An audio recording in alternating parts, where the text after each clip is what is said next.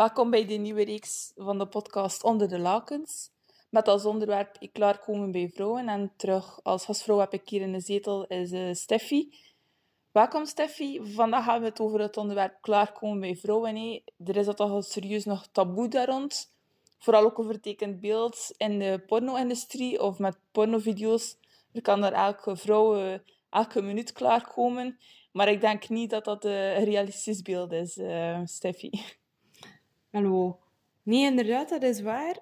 Uh, ja, ik, ik denk dan vooral um, wat je ziet op video's, um, het, het enkel stimuleren vaginaal. Dus de vrouw die een erectie in zich heeft en zo klaarkomt, of zelfs meerdere keren klaarkomt.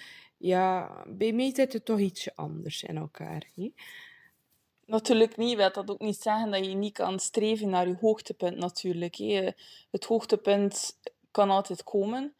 Maar dat hangt ook af van het spel, het moment zelf. Uh, en natuurlijk, dat is ook een, een ontdekkingstocht met, met jou, met, van jezelf, je lichaam van jezelf en, en je partner.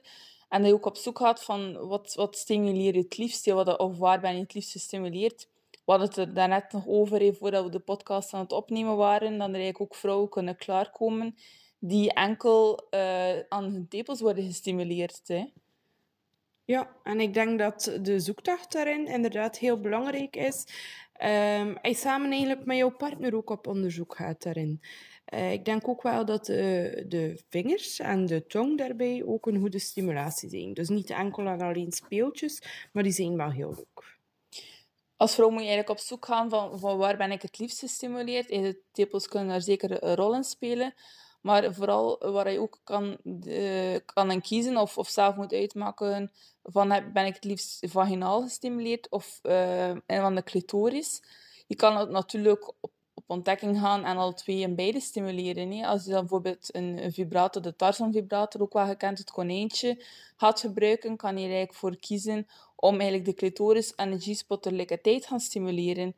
Het is vooral een ontdekkingstocht uh, voor je eigen lichaam en die van, die van je partner uh, gaat ontdekken, om eigenlijk tot het uh, hoogtepunt te komen.